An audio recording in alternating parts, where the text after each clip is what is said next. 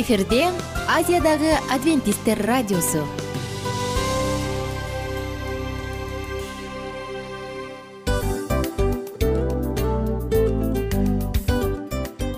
Достор салют. Баардык сүйүктүү угармандарыбызга салам айтабыз. Кутман күнүңүздөр менен. Ден соолук өмүрдүн булагы демекчи саламат саамы программасында баарыңыздарды көргөнүбүзгө абдан кубанычтабыз. Анда алгач амандашып өтөлү арбаңыздар деп. Ден соолугуңуздар кандай элибизде көбүнчө ден соолук кандай дегенде эле жакшы деп жооп беребиз э? ооруп турсак дагы жакшы дейбиз. Анан мен муну айтып ойлойт элем бул абдан сонун сөз депчи анткени бул жакшы деген үмүт да ооба баары жакшы болот. Баары сонун. Деп үмүттөнүп атып эле өзүбүздү өзүбүз дарылап коебуз. Анысы кандай? Сиздин дагы ден соолугуңуз жакшы беш деген үмүттөбүз чындыгында ден соолук бул өмүрдүн булагы деп бекеринен айтылган эмес деп ойлойм. Кыргыз элинде анткени эгерде ден соолук жок болсо анда адамдын жашоосунда калган баардык керектүү маңыздуу нерселер өзүнүн баалуулугун жоготуп коет. Ошондуктан ден соолук бул эң керектүү нерсе. Ооба туура айтасың кесиптешим чынында ден соолугуң жок бир эки үч күн ооруп калсаң эле э кандай болуп калат? Жашоодо көз каранды болуп каласың көп нерсеге жетишпей каласың көп нерсени кыла албай каласың жада калса эшикке дүкөнгө да чыга албай каласың. Туптуура анан ден соолук болсо демек биз биздин бактыбыз тоодой деп койсок болот. Анда достор саламат саамы рубрикабызды баштайлы. Алдыда өзүңүзгө керектүү болгон сонун кеңештерди уга аласыздар. Мына ошондуктан биз менен бирге болуңуздар. Ал эми биз болсо милан жана айнура. Кеттик алга. Алга саламат саама ден соолуктун жарчысы. Саламат саама ден соолуктун ачкычы. Күн сайын сиз үчүн мыкты кеңештер сонун жаңылыктар кызыктуу фактылар биздин рубрикада.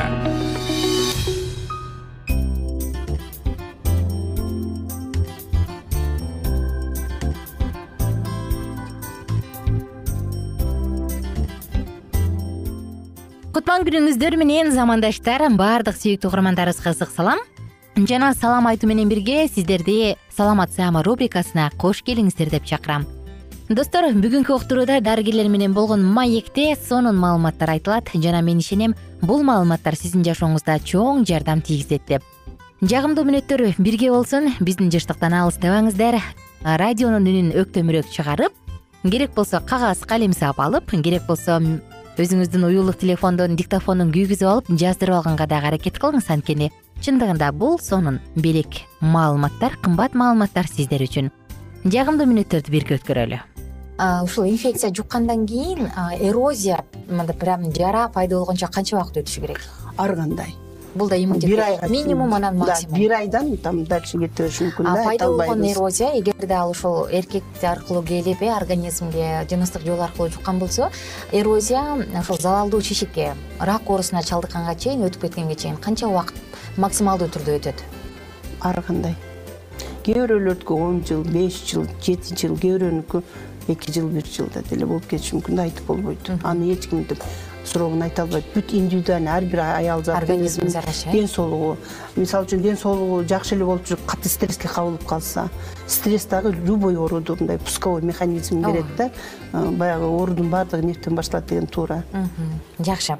Дагы суроо бар бизде карай кетели. Мен көп жылдан бери жыныс мүчөм сырты кычышып жүрөм. Жашым элүү сегизде синофлан сыйпап койсом тынч болуп калат. Дагы эмне кылсам болот дейт пенсиядагы апабыз болсо элүү сегиз жашта келип э, гинекологко көрүнүп эле баягы синофланды айтып койду деле колдонбостон. Бул просто гормональный эле баягы э, денеси элүү сегиз жаштагы аялдын денеси кичинекей кыздыкындай да гормон жок да. Эс алып аткан убак эс алып аткан убакта защита жок. Ошон үчүн келип анализ берип анан ошого жараша мазь жаздырыш керек. Азыр мен мынтип эле муну колдонуңуз деп айта албайм да эфирденчи жакшы. Дагы суроо бар бизде.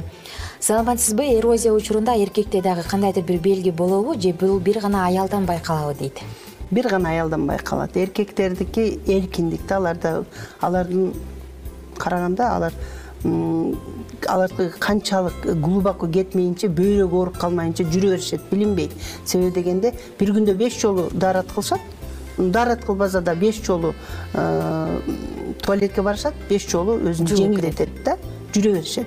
Аял кичинекей болсо түшкөн микроб чыкпайт эч жака чогула берет бирок эркектики глубоко кетет аныкын дарыланышат кыйыныраак. Аял кишиники ачып жаап там лечение кыла бересиң а эркек кишиге кыйыныраак. Жакшы. Ошондо эгерде аял кишиден эрозия чыкса анда сөзсүз түрдө анын өнүктүшү дагы сөзсүз түрдө дарыланыш керек. дарыланбаса эч кандай пайда жок эч кандай пайда жок. кайра кайра эле ал эрозия чыга берет биздин бүгүнкү уктуруубуз э бул бул теманы алып чыкканыбыздын себеби дагы жакында бир окуя түрткү болду. Мен да аны көрүп алып кадимкидей эркектер эмнеге ойлонбойт? дедим да. Эркектер эмне үчүн басып жүрөсүңөр? депчи. Баягы эркек басат эркек деген ал ушундай көзү менен сүйөт. Ошон үчүн эркекти ал басат да деп коет да. Бул мен айтам моралдык жактан эң эле төмөн айтылган сөздөр да. Ар бир эркек тескерисинче ата болууга мыкты үй бүлөнүн башчысы болууга өзүн даярдаса менин келечектеги балам оорулуу болушун каалабайм десе менин келечектеги үй бүлөм дарыга акча коротуп ооруканалап жүрүшүн каалабайм десе анда өзүнүн жүрүш турушун жүрүм турумун жаштайынан көзөмөлдөгөнү туура да. Жыныстык маданиятка үйрөтүшүбүз керек биз балдардычы мына азыр все дозволенность болуп көрүшөт а жыныстык маданиятты билбейт. Э, жада калса дененин түзүлүшүн билбейт. Ошодон башталат бүт баардыгы ошол интернет булактарынан темага даярданып атып бир мырзанын жазганын уктум. отуз төрт жаштамын анан бир эле жолу ушундай жеңил ойлуу кызга баргам. Азыр үйлөнө албай жүрөм депчи. Анан карап отурсаң мындай учурлар абдан көп э. Айткан эркектер бар айтпагандары бар. Ооруган аялдардан айтканы бар айтпаганы бар бара алганы бар бара албаганы бар. Анан булардын баардыгы албетте еще чоң көйгөйлөрдү жаратат. эркектерде дагы бир эме бар да. Мисалы үчүн мынтип айтышат келип эже мен үйлөнөр алдында үч төрт жыл эч кимге барган жокмун дейт а үч төрт жыл мурда толтура баргандарын айтып берет. Мен айтам үч төрт жылдын ичинде денеңди минтип жууган жоксуң да балам дейм дарыланган жоксуң да сен текшерилген жоксуң. Үч төрт жыл срок эч кандай эч нерсе бербейт. Бир э, кош бойлуу келди учетко алдым. Беш убакыт намаз окуйт баары жакшы. Анан инфекция чыгып атат да. Анан мен өзүм дагы күйөөсү да намаз окуйт эмне үчүн ушундай инфекция болушу мүмкүн? Буларда татынакай жүрүшөт баарын билет даарат алганды билет деп. Аябай көйгөй болду да мага ушуларга суроо бериш мен үчүн аябай жүдөдүм да кыйналып. Анан күйөөсүн чакырып суразам он жыл мурда армияда жүргөндө бир орус айылга баргам дейт. Элестет он жыл мурда армияга барган инфекция алып жүрдү денеси. Ошол он жылдан бери инфекция денесинде а бул мырзаларда эмне баягы күч осложнение берет деп коет го күчөтпөйбү инфекция. Өзүнүн белгисин бербейби кандайдыр бир ага чейин. Берет бирок алар көбүнчөсү носительдер көтөрүп жүрүшөт. Потому что алардын башы оорубайт алардын иммунитети айылга окшоп боюнда болуп түшпөйт. Бизге караганда жакшы болот э иммунитеттери башкачараак достор айымдар жана мырзалар ар бир ден соолугун баалаган. Мен бул жашоодо кыйноосуз ушундай бир жакшы бакубат жашоодо жашагым келет деген угармандарыбыздын баардыгына ыраазычылык айтабыз. Алдыңкы мүнөттөрдөгү программа бир гана сиздер үчүн болду. Чындыгында ар бир адам өзүнүн ден соолугунун сакчысы. Мисалы бөйрөк бизге берилгенде э, жаратылгандан эле ал бир нече жүздөгөн жылдарга кызмат кылышы керек. Бирок тилекке каршы азыркы заманды карасаң э, отузга чыкпай эки бөйрөгү тең ооруп пленефрит жана башка көптөгөн ооруларда керек болсо гемодиализде отургандар дагы көп. Ушул сыяктуу мисалдарды айтып отурсак абдан толтура мен эмнени айткым келет? Эгер ден соолукту өзүңүз карабасаңыз анда аны сизге эч ким кайтарып бербейт. Ооба жумуш оокат баардыгы керек бирок ден соолукту анын ордуна бербеңиз. Карап отурсаң улгайып калганда элүү алтымышка чыкканда ден соолугунан кыйналып отурган адамдарда жашоонун кубанычы да жок калат. Алар небересинин жытынан ырахат ала албай калышат. Анткени ден соолугу жок. Ден соолугу жок адам өңү маанайы дайыма үңүрөйүп жүрөт. Анткени аларда эң маанилүү нерсе керек жок. Ошондуктан колдон келишинче үй бүлөмдү багам дегенден мурун дагы өзүңүздүн ден соолугуңузга сакчы болуп өзүңүздүн абалыңызга көңүл бура жүрүңүз. Кайсы бир улут ооруп калбайын деп барат дейт. Кайсы бир улут ооруканага ооруп жатам деп барса кыргыздар өлүп калбайын деп барабыз дейт. Ошондуктан келгиле мындай болбостон тескерисинче ар бирибиз өзүбүздүн ден соолугубузга жоопкерчиликтүү мамиле кылып ал биздин биринчи байлыгыбыз экенин моюнга алып ошол нерсени биринчи байлыктай тута билели. Бар болуңуздар кайрадан амандашканча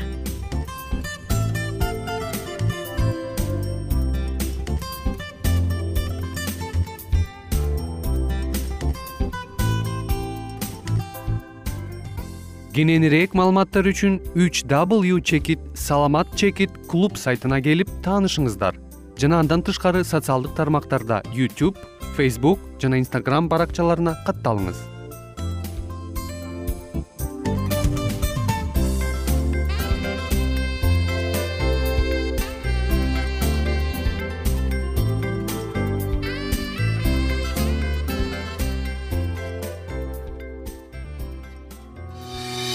саламат саама ден соолуктун жарчысы. Саламат саама ден соолуктун ачкычы. Күн сайын сиз үчүн мыкты кеңештер сонун жаңылыктар кызыктуу фактылар биздин рубрикада.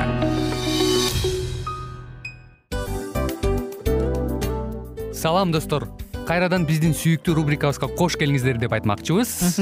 Баардык замандаштарыбызга арбаңыздар деп саламыбызды айтабыз. Улуу ушундай бир урматтаган учурашуу менен анан дил маек радио баракчабызга чакырабыз. Негизи дил маек биздин рубрикабызда эмне жөнүндө кеп кылабыз? Бул дил маектин мааниси эмнеде? Рубрикабыз менен кичине тааныштырып кетсеңиз. Сөзсүз түрдө тааныштыра кетейин кесиптешим суранычы боюнча бул учурда бул радио баракчада биз ар тарап кесип ээлеринен сонун кеңештерди алабыз сүйлөшөбүз сырдашабыз аталарыбыздын эжелерибиздин апаларыбыздын кеңештерин угабыз айтор жан дүйнөгө адамдын э, сапатына адамдын деги эле адам болуп жашашына керектүү баардык кеңештер алдыда негизи э, дил маек дегенде баягы эки адамдын ортосундагы сырдашуу кенен сүйлөшүү. Негизи эле биз адамдар бири бирибиз менен бир жерге жай жерге отуруп алып өзүнчө тынч э, жашоо жөнүндө өмүрүбүздө эмне болуп атканын бөлүшкөнү жакшы көрөбүз э адамдар. Ооба туура айтасың анан мындай учурга кээде убакыт да жетпей келет э. Же болбосо сырыңды кайгыңды муңуңду кубанычыңды айткың келет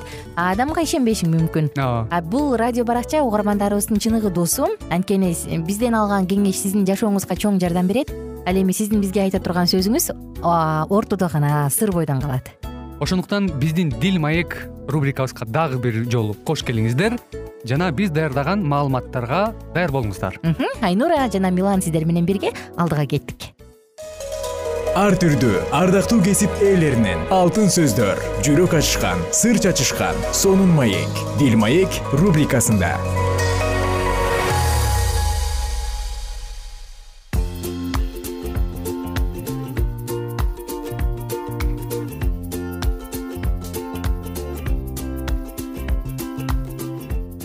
Салам достор баардык угармандарыбызга ысык салам айтабыз. Жана сиздер менен бирге дил маек радио баракчасындабыз. Кутман күн дил маек э, радио баракчабызга кош келиңиз. Урматтуу угарман кайрадан эле кызматта мен улан жана ошондой эле кызыңыздар айнура сиздер менен биргебиз бул саатта дагы жагымдуу маанай тартуулоого даярбыз э. Билекти түрүп үй бүлөдөгү каржы маселеси жөнүндө сөз кылалы деп турабыз. Негизи акча дегенде сен бир башында бир уктурууда айтпадың белең.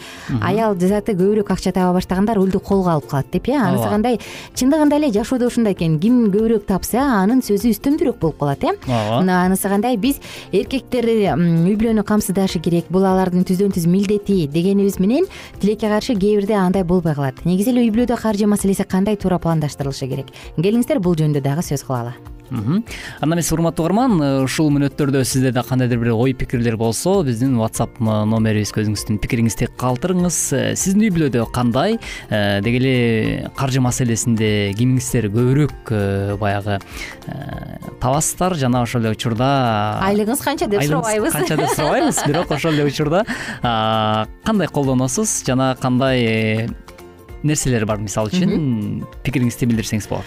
Жубайларга баягы акча тууралуу жайынча отуруп алып сүйлөшүп оңойго турбашы мүмкүн дейт. Андыктан үй бүлөдө талаш тартыштар көбүн эсе акчанын айынан келип чыгаары таң калыштуу деле эмес э.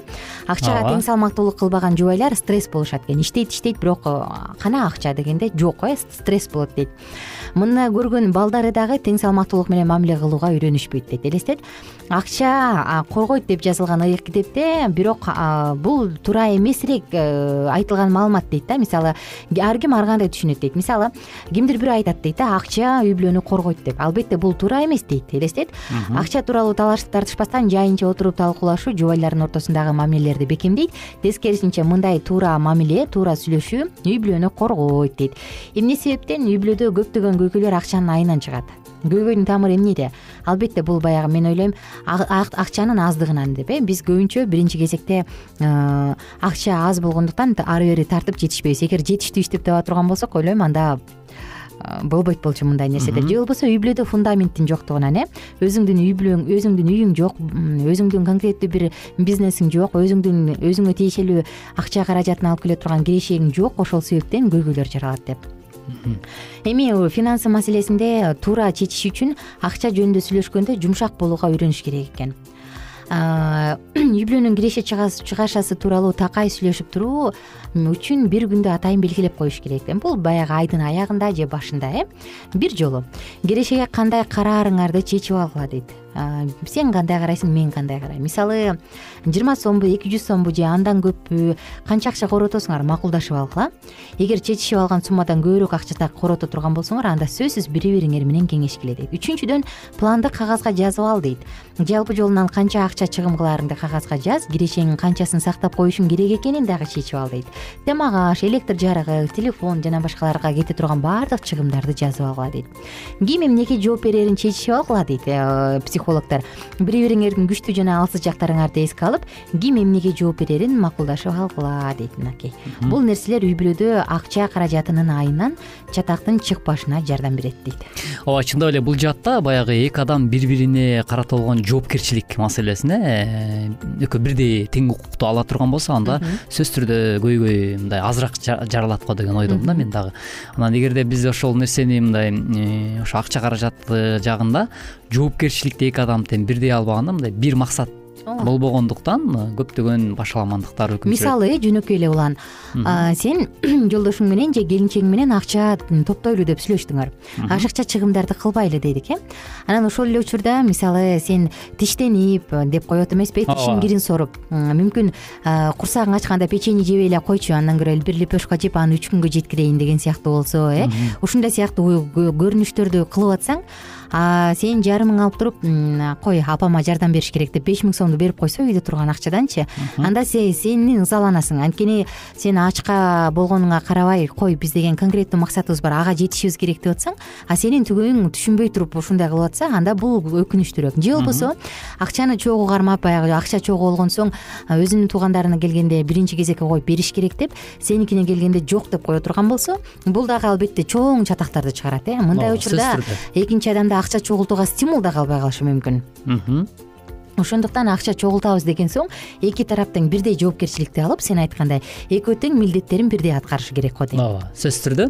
Э, эгерде ушул мындай муну дагы бир үй бүлөлүк мыйзам катары э киргизип алган жакшы окшойт да анткени эгерде бир мыйзамдын алдында баш ийип ошого мындай эки адам тең ошо жогоруда сен айткандай жоопкерчилигин так аткара билген болсо анда э, жанагындай маселелерге мындай азыраак жок деген мындай чекит кое алат да.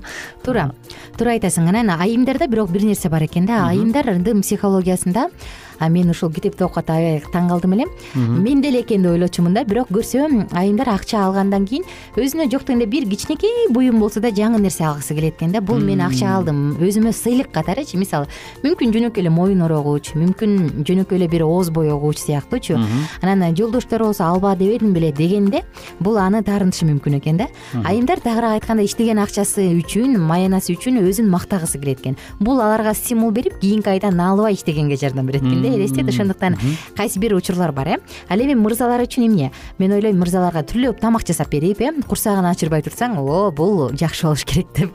Ооба. Чындап эле эң сонун ыкманы айтып өттүң э, кесиптешим. Бул нерсени дагы баардык мырзалар билип алганыбыз жакшы окшойт. Э, мырзалардын кулагына күмүш сырга катары айтып кетейин чын эле сиздин жубайыңыз э, иштеп акча таап аткан болсо кандайдыр бир бөлүгүн өзү үчүн буюм алганга ал укуктуу. Анын үстүнө айымдарда көп чыгашалар бар э? Алар боек алгысы келет алар бир нерсе кылгысы келет. Жөнөкөй эле тырмагын жасаткысы келет. Же достору менен салонго барып келгиси келет. Ушул сыяктуу нерселердин баарын чектей бере турган болсоң аял затында иштегенге кызыгуу дагы калбай калышы мүмкүн экен. Саатыбыздын соңку мүнөттөрү биз сиздер менен коштошобуз. Үй бүлөдө каржы маселесинин айынан талаш болбосун. Биздин э, тапкан акчабыз баталуу кирешелүү жана берекелүү болсун айтылган баардык тилектер кабыл болсун ал эми урматтуу угармандар сөзсүз түрдө үй бүлөңүздөрдө тынчтык жашоо өкүм сүрсүн деген тилек менен программабызды жыйынтыктайбыз. Амандыкта болуңуз.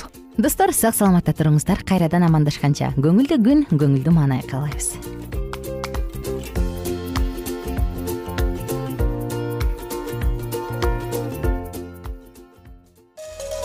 ар түрдүү ардактуу кесип ээлеринен алтын сөздөр жүрөк ачышкан сыр чачышкан сонун маек бил маек рубрикасында.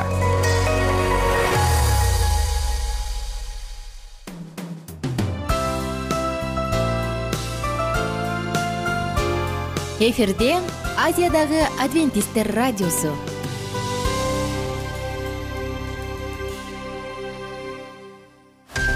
жан дүйнөңдү байыткан жүрөгүңдү азыктанткан жашооңо маңыз тартуулаган жан азык рубрикасы.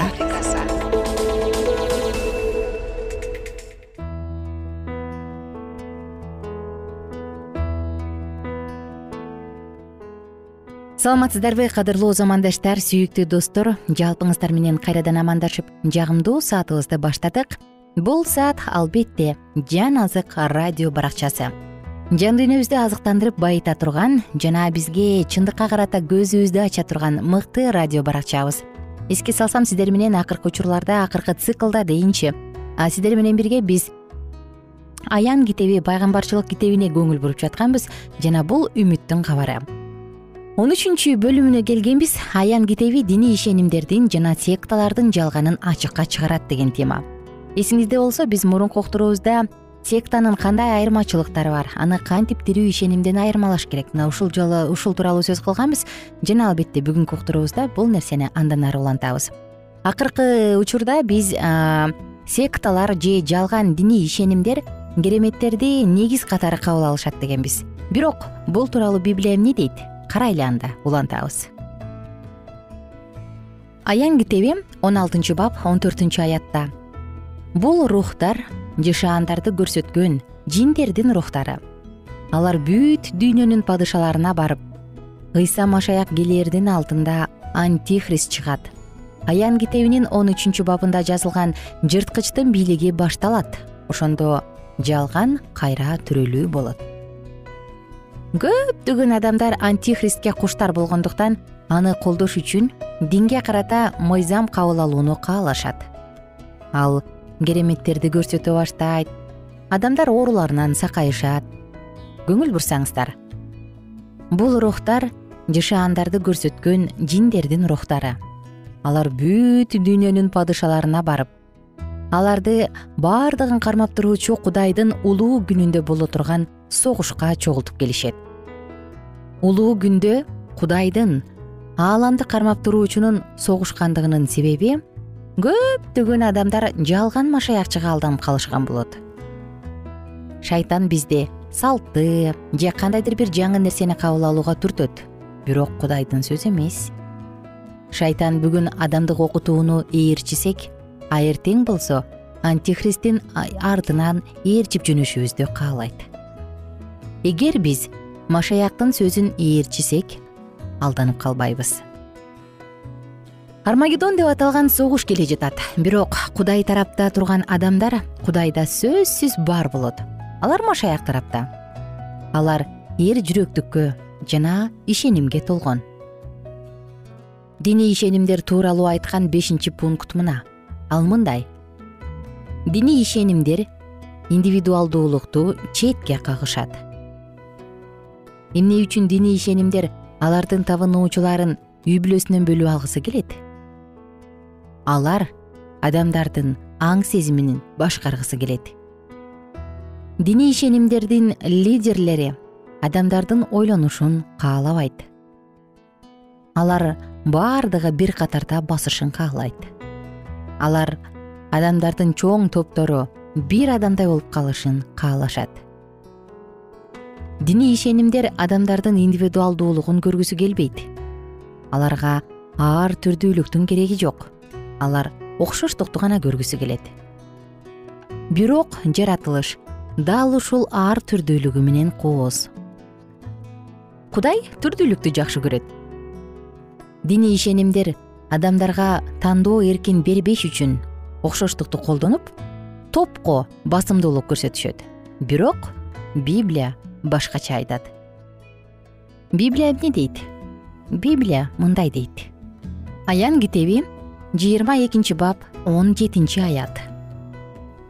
Рух менен колукту кел дешет. Муну уккан да кел десин. Суусаган келсин. Каалоочу өмүр суусун бекер эле алсын. Библия баардык каалоочуларга келип өмүр суусунан бекер ичүүнү сунуштап жатканына көңүл бурсаңыз. Баардык каалоочулар тандоо жасагандар. Муну кыла алат дейт ыйса. Ыйса бизди кыйнабайт жана мажбурлабайт. Ал адамдардын аң сезимин уурдабайт. Биз кызмат кылган ыйса тирүү машаяк тирүү сөз мындай дейт. Мага келгиле мен силерге тирүү сууну бекер берем ыйса силерде тандоо эрки бар дейт кудайдын бейнесине окшоштурулуп жаратылганыбыздын бирден бир улуу сезими бул туура тандоо жасай алганыбыз. Бул биздин тандоо эркибиз. Ыйса мага келгиле келгиле да мага табынгыла дейт. Диний лидерге сиздин ордуңузга чечим кабыл алууга жол бербеңиз. Ыйык кызмат кылуучуга же жыйын кызматчысына өзүңүздүн ордуңузга чечим кабыл алууга жол бербеңиз. Ыйса мындай дейт. Мен адамдардын ой жүгүртүшүн каалайм мага келгендер жүрөктөрүн арнашын каалайм суроо берип жоопту ыйык китептен издешин каалайм а диний лидерлерчи бул тууралуу достор биз кийинки уктуруубузда дагы кененирээк токтолуп ушул теманын тегерегинде сөз кылабыз. Ага чейин жалпыңыздар менен коштошчу учурга келдик. Жана албетте жалпыңыздарга кааларыбыз. Көңүлдүү күн беш деген маанай биз менен бирге болуңуздар. Чындыгында адамды эч бир дин эч бир салт ырым жырым кандайдыр бир суеверие деп коет эмеспизби э ырым жырым кандайдыр бир жөрөлгөлөр куткарбайт. Адамды бир гана куткара ала турган бул ыйса машаяк. Ошондуктан эгерде сиз дагы түбөлүктүүлүктө өмүргө ээ болгуңуз келсе анда баардык жөрөлгөлөрдү таштаңыз дагы ыйсага келип ыйса мени куткарып кала көр деңиз. Болду ошол сизге жетиштүү. Достор уктуруубуздун соңку мүнөттөрүндөбүз кийинки уктуруубузда биз ушул бүгүнкү ошол секталар жалган пайгамбарчылыкты кантип айырмалаш керек? Бул тууралуу уктуруубузду жыйынтыктайбыз жана сиздер менен жаңы дагы бөлүмдү баштайбыз күнүңүздөр көңүлдүү улансын. Баардык угармандарыбызга кааларыбыз беш деген маанай бар болуңуздар.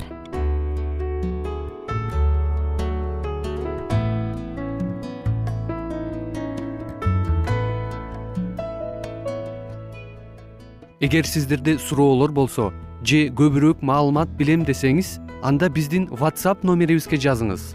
Плюс бир үч жүз бир жети жүз алтымыш алтымыш жетимиш. Кайрадан плюс бир үч жүз бир жети жүз алтымыш алтымыш жетимиш.